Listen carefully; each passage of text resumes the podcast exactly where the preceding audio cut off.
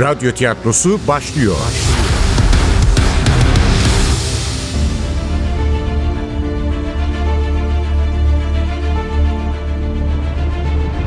Overlockçu Kız 2. Bölüm. Eser Ahmet Ümit. Seslendirenler Başkomiser Nevzat Nuri Gökaşan. Komiser Ali Umut Tabak. Hasan Okçum Orhan Hızlı. Zeko Umut Aksoy Bayram Burak Akgül Duran Mustafa Fatih Özkul Kahveci Yaşar Karakulak Efektör Cengiz Saral Ses Teknisyeni Hamdullah Süren Yönetmen Yusuf Canlı Eyvah dedim içimden. Eyvah Zeko üçünü de öldürecek. Ama öyle olmadı. Gül abi hiç beklemediğim bir ataklıkla geriye çekilip eski reisinin suratının ortasına bir yumruk çaktı. Zeko geriye doğru savruldu. Belli ki çocuklar önceden hazırlanmışlardı kavgaya. Duran'la Bayram anında çektiler sustalılarını. Hiç tereddüt etmeden eski reislerine giriştiler. Zeko çabuk toparlanmıştı tabii. Göz açıp kapayıncaya kadar o da sustalısını çekti. Montunu sol koluna sardı. Eski adamlarına karşı dövüşmeye başladı. E, koluna bacağına bir iki önemsiz bıçak yarası alsa da çocukları durdurmayı başardı. Kavga dengelendi. Zaten Zeko'ya hınçlı olan bizim Hüsam atölyedeki gözü kara üç çocukla yetişti. Ellerindeki sopalarla Zeko'yu aralarına aldılar. Altı kişiye karşı baş edemeyen Zeko'nun gardı düştü. Bizimkiler yer misin, yemez misin giriştiler buna. Vallahi zor aldım ellerinden. Bıraksam linç edeceklerdi. Keşke almasaymışım. Belki de zavallı Gülseren şimdi yaşıyor olacaktı.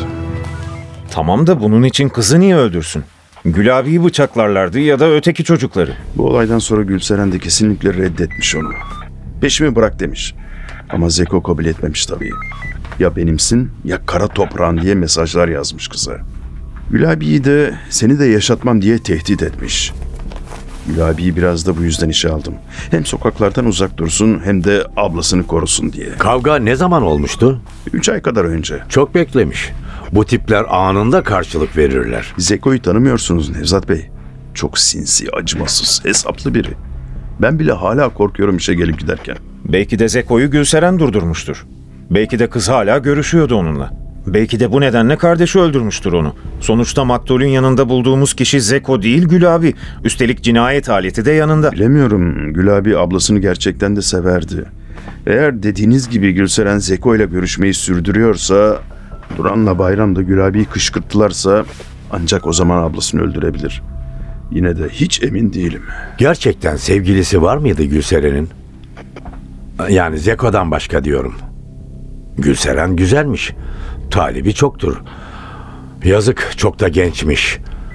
Birilerine kanmış olabilir. Yok Nevzat Bey. Gülseren öyle biri değildi. Öyle çok kız var burada. Gülseren namuslu bir kızdı. Başı önde, işine gidip gelirdi zavallım. Çok da çalışkandı. Sorumluluk sahibiydi. Hiçbir hatasını, hiçbir falsosunu görmedim. Tabii Zeko'ya kapılmış olabilir. Siz de söylediniz. Peki Gülseren'in ne işi vardı gece yarısı atölyede? Gece vardiyasına mı kalmıştı? Hayır hayır, gece vardiyası yoktu. Memlekette kriz var amirim. Nerede kaldı o deli gibi çalıştığımız günler? Üç vardiya yapardık eskiden.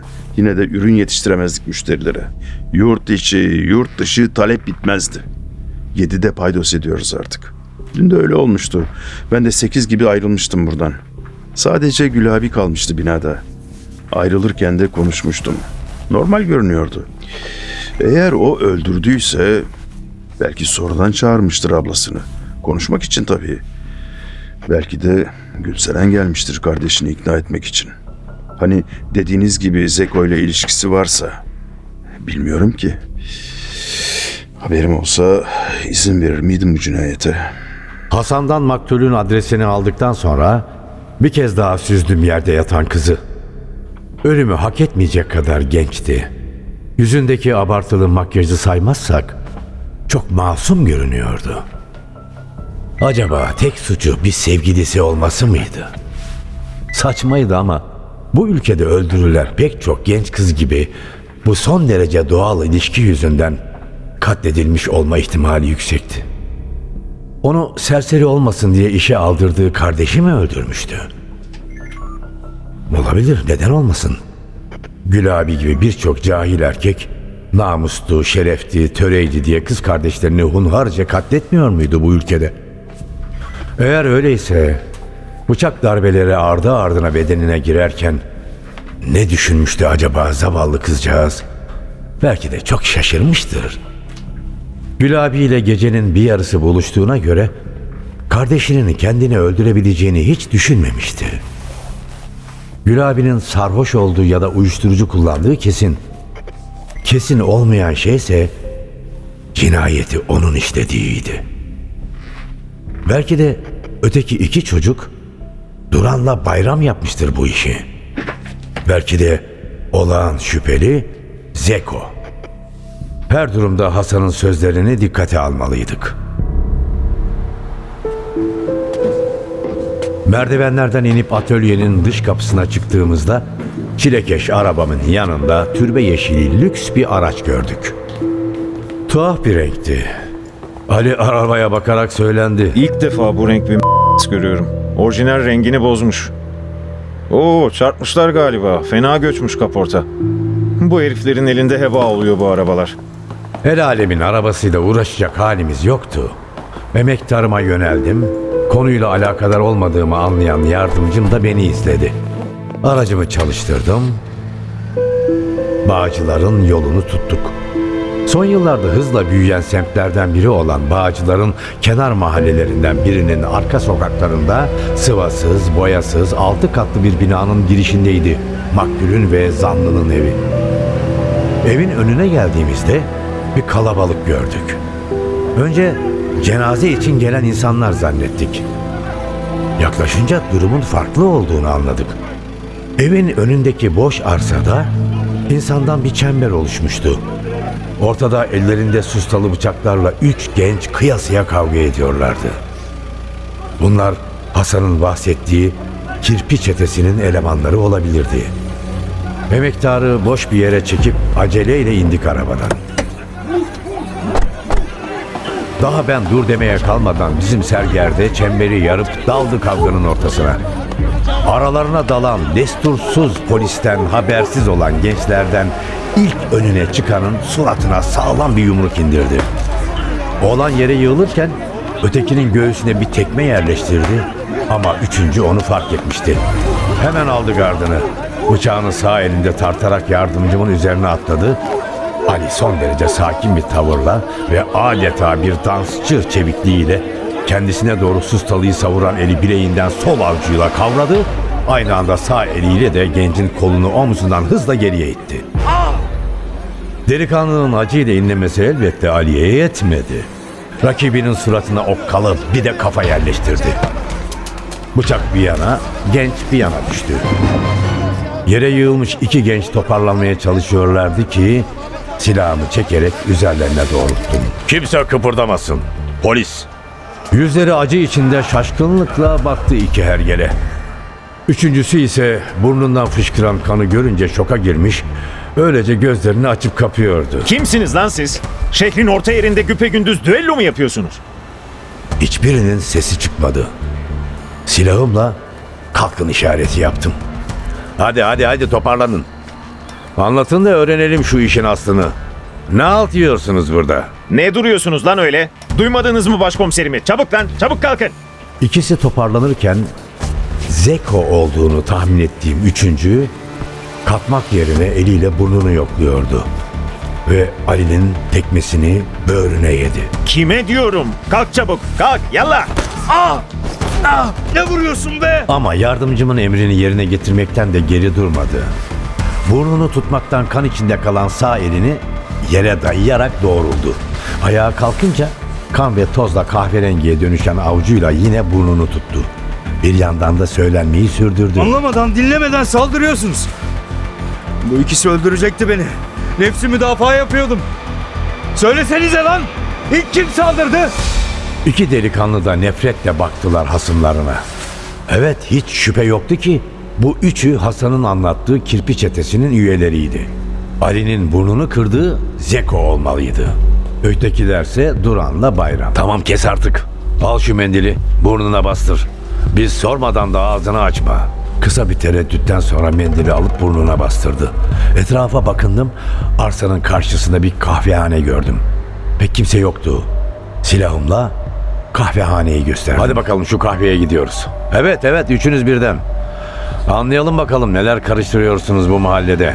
Ali sen de bizimkileri ara. Bir ekip yollasınlar.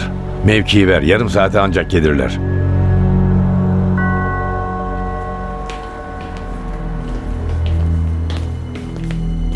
Mekandan içeri girince üç serseriyi gören yaşlı kahvecinin feri kaçmış gözleri korkuyla büyüdü. Polisiz. Korkacak bir şey yok. Bu serserilerin saltanatı bitti artık. Hadi baba sen bize demlisinden çay ver bakalım. Bir de kapıyı kapat. Bir saat kadar müşteri alma içeri. Elbette rahatlamadı adamcağız. Tamam şimdi buradasınız ama siz gidince yine başıma bela olacak bunlar dercesine baktı. Hadi baba, hadi babacığım. Kapat şu kapıyı. Zararın neyse öderiz.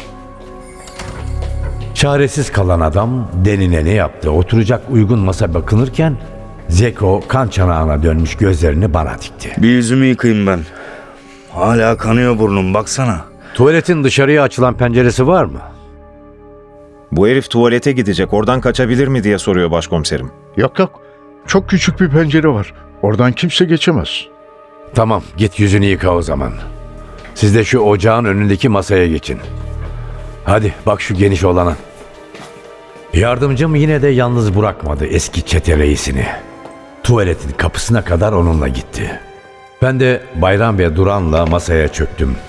Silahımı kılıfına sokarken samimi bir tavırla sordum. Önce tanışalım adınız nedir sizin? Bayram. Benim adım Bayram. Bayram ne? Soyadın yok mu evladım senin? Bayram Şengezer. Güzel. Benim adım da Nevzat. Başkomiser Nevzat. Senin adın ne? Onun adı Duran. Duran Çanakçı. Senin dilin yok mu oğlum? Niye kendin konuşmuyorsun? Bizim bir suçumuz yok. Her pislik içeridekinin başının altından çıkıyor. Tamam tamam anlayacağız. Suçunuz yoksa bırakırız sizi. Ama ne olup bittiyse hepsini anlatmanız lazım bize. Evet söyleyin bakalım şimdi. Az önce ne yapıyordunuz elinizde sustalılarla öyle? O pisliğin yüzünden amirim. Kim o? Zeko. Asıl adı Zekeriya Dişbudak. Eskiden arkadaştık. Daha doğrusu abi diyorduk ona. Ama kalıbının adamı değilmiş. Hepimizi sattı. Üstelik namus haini çıktı. Bu herif Gülseren ablanın katili başkomiserim. Kızı öldürmüş bir de utanmadan taziyeye geliyor. Biz de görünce dayanamadık. Nereden biliyorsunuz Gülseren'i öldürdüğünü? Çünkü Gülseren ablaya aşıktı bu. Ama kız istemiyordu. O yüzden kin duyuyordu Gülseren ablaya. Kartları açmanın zamanı gelmişti.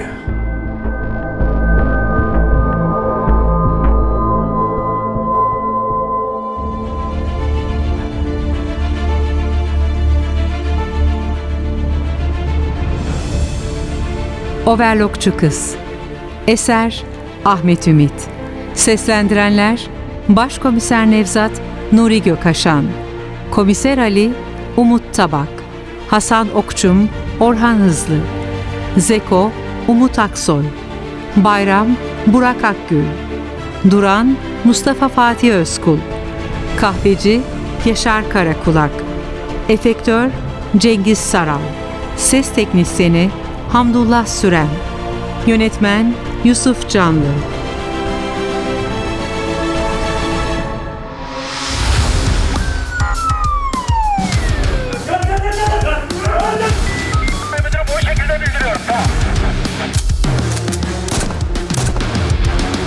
Radyo tiyatrosu sona erdi.